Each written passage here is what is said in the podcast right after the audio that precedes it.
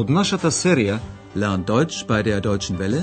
Учете германски со Deutsche Welle, чујте ја серијата Deutsch, warum nicht? Германски зошто не?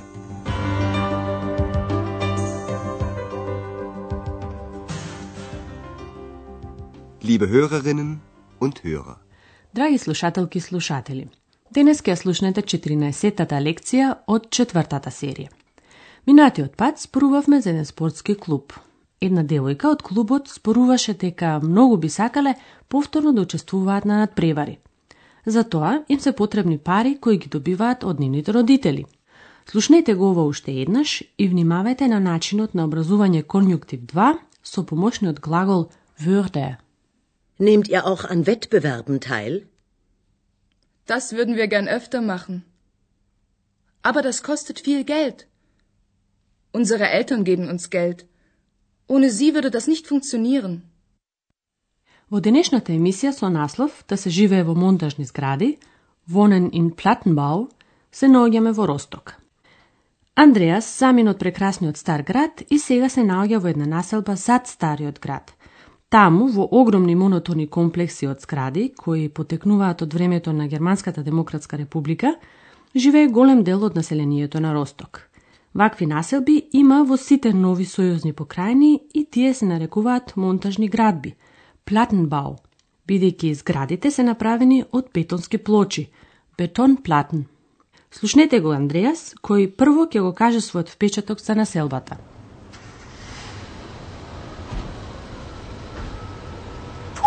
Ist das kalt und windig hier?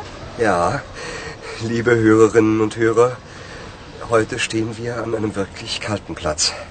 Seien Sie froh, dass Sie zu Hause vor Ihrem Radio sitzen. Wir sind hier in einer Wohnanlage in Rostock. Sie müssen sich eine große Wohnanlage vorstellen. Wohin ich auch sehe, nichts als Häuser. Häuser. Und sie sehen alle gleich aus. Glatt, gerade und hoch. Manchmal 21 Stockwerke hoch. Die Häuser sind aus Betonplatten gebaut. Eine Platte wurde an die andere gereiht. Deshalb spricht man auch vom Plattenbau. Ja, da stehe ich nun in so einer Lücke zwischen den Häusern. Ich will warten, ob jemand vorbeikommt. Ah, ich habe Glück. Da kommt jemand. Andreas X se nogat na jedno neprijatno mesto, kade što je studeno i vetrovito. Puh, ist das windig hier. Андреас им завидува на слушателите кои седат дома покрај нивните радиоприемници. Бидете среќни што седите дома покрај вашите радиоприемници. Seien Sie froh, dass Sie zu Hause vor Ihrem Radio sitzen. Андреас се наоѓа во една населба во Росток. Wir sind hier in einer Wohnanlage in Rostock. Тој препорачува. Замислете си една голема населба. Sie müssen sich eine große Wohnanlage vorstellen. Андреас го опишува она што го гледа. Каде и да погледнам, гледам само згради и згради. Wohin ich auch sehe, nichts als Häuser. Häuser. Гледката е многу монотона, бидејќи сите згради се исти. Рамни, прави и високи. Некои дури имаат и по 21 кат. Und sie sehen alle gleich aus. Glatt, gerade und hoch. Manchmal 21 Stockwerke hoch. Андреас уште поточно ја опишува монотонијата. Зградите се градени од бетонски плочи, при што плочите се редени една до друга. Die Häuser sind aus Betonplatten gebaut. Eine Platte wurde an die andere gereiht. По војната многу згради и куќи биле разрушени, па многу бргу биле изградени нови од готови бетонски плочи. И затоа зборуваме за монтажни градби или платенбау. Deshalb spricht man auch vom Plattenbau. Андреас застанал на едно празно место, Люке, меѓу зградите. Ja, da stehe ich nun in so einer Lücke zwischen den Häusern. Тој ќе причека некој да намине. Ich will warten, ob jemand vorbeikommt. Андреас сака да праша некого каков е животот во една ваква населба. Тој има среќа. Една жена ќе му ја објасни разликата, а тоа е неудобен живот во стара зграда, Altbauwohnung, наспроти удобно живење во нова зграда, Neubauwohnung, со централно грејење. Но и во тој поглед нешто се изменило. Слушнете го разговорот. Entschuldigen Sie. Haben Sie wohl einen Moment Zeit? Einen Moment schon. Was gibt es denn? Wie lange wohnen Sie hier schon? Wir sind schon 20 Jahre hier. Und fühlen Sie sich wohl hier? Früher schon.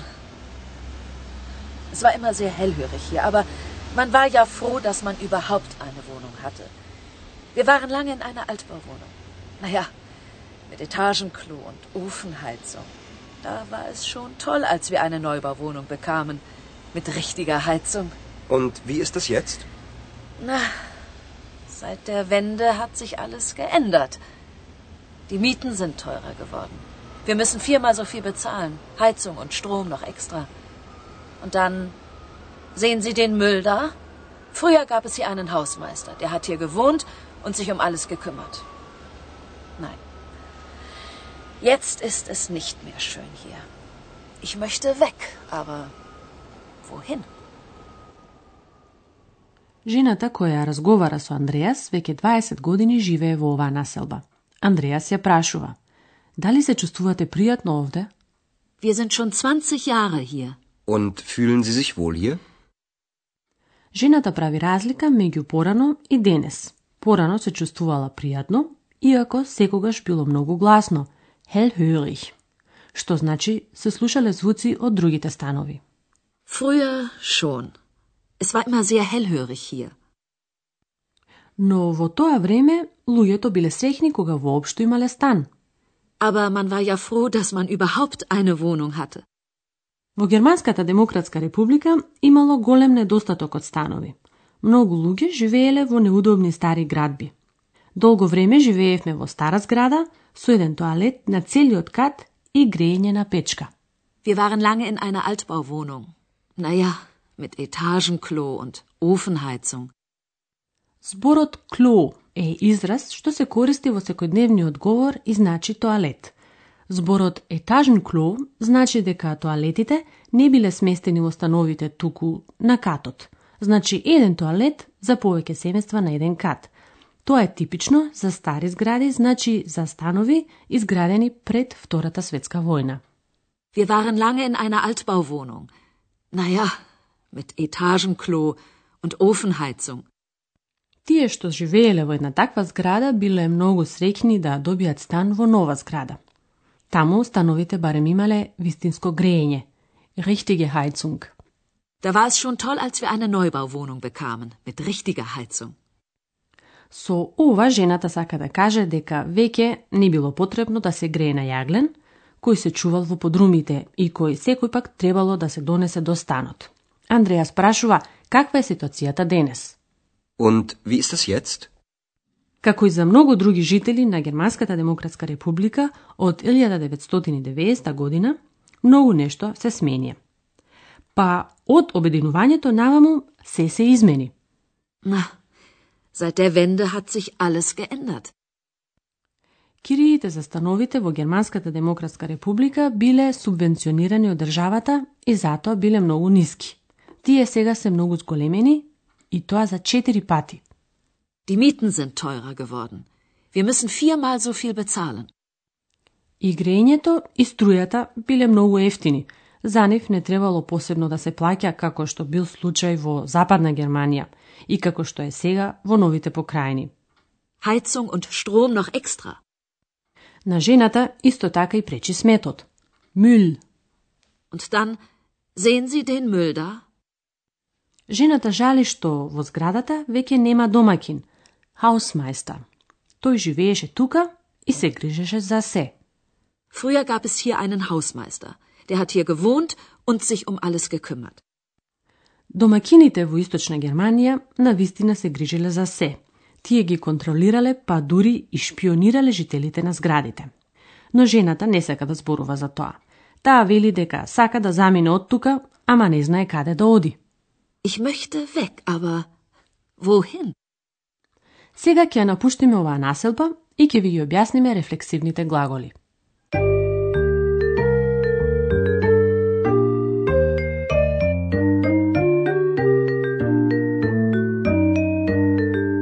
Во германскиот јазик има глаголи кои секогаш се рефлексивни. Во инфинитив тие постојано стојат со рефлексивната, односно повратната заменка зих. Најдобро е овие глаголи да се научат на памет. Слушнете два примери. Sich ändern. Sich wohlfühlen. Има повеќе рефлексивни заменки. Во денешната емисија се сретнавте само со една заменка зих. Зих е рефлексивна заменка во трето лице. Еве два примери. Seit der Wende hat sich alles geändert. Der Hausmeister hat sich um alles gekümmert. И при користење на учтивата форма за обраќање со зи, рефлексивната заменка гласи зих. Слушнете ги и овие примери. Sie müssen sich eine große Wohnanlage vorstellen. Fühlen Sie sich wohl hier?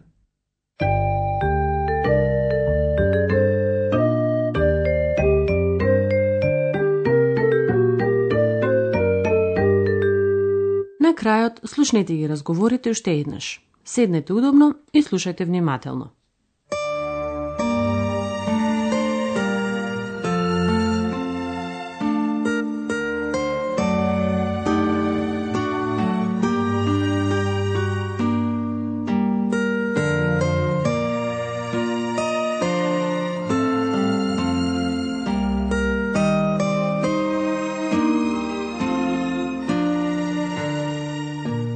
Андреа опишува една населба со монтажни згради, типична за Германската демократска република. Puh, ist das kalt und windig hier. Ja, liebe Hörerinnen und Hörer, heute stehen wir an einem wirklich kalten Platz. Seien Sie froh, dass Sie zu Hause vor Ihrem Radio sitzen. Wir sind hier in einer Wohnanlage in Rostock. Sie müssen sich eine große Wohnanlage vorstellen. Wohin ich auch sehe, nichts als Häuser. Häuser. Und sie sehen alle gleich aus. Glatt, gerade und hoch. Manchmal 21 Stockwerke hoch. Die Häuser sind aus Betonplatten gebaut. Eine Platte wurde an die andere gereiht. Deshalb spricht man auch vom Plattenbau. Ja, da stehe ich nun in so einer Lücke zwischen den Häusern. Ich will warten, ob jemand vorbeikommt. Ah, Ich habe Glück. Da kommt jemand. Една жена објаснува за животот овде во минатото и денес. Entschuldigen Sie? Haben Sie wohl einen Moment Zeit? Einen Moment schon. Was gibt es denn? Wie lange wohnen Sie hier schon? Wir sind schon 20 Jahre hier. Und fühlen Sie sich wohl hier? Früher schon. Es war immer sehr hellhörig hier, aber man war ja froh, dass man überhaupt eine Wohnung hatte. Wir waren lange in einer Altbauwohnung. Naja, mit Etagenklo und Ofenheizung. Da war es schon toll, als wir eine Neubauwohnung bekamen. Mit richtiger Heizung. Und wie ist es jetzt? Na, seit der Wende hat sich alles geändert. Die Mieten sind teurer geworden. Wir müssen viermal so viel bezahlen. Heizung und Strom noch extra. Und dann sehen Sie den Müll da? Früher gab es hier einen Hausmeister, der hat hier gewohnt und sich um alles gekümmert. Nein. Jetzt ist es nicht mehr schön hier. Ich möchte weg, aber wohin? Тоа беше се за денес. Во следната емисија ќе емитуваме една репортажа за сојузната покрајна Саксонија. До тогаш, до слушање. Тоа беше германски Зошто не? Радиоговорен курс на Херат Мезе во продукција на Дојче Веле и на Гетовиот институт од Минхен.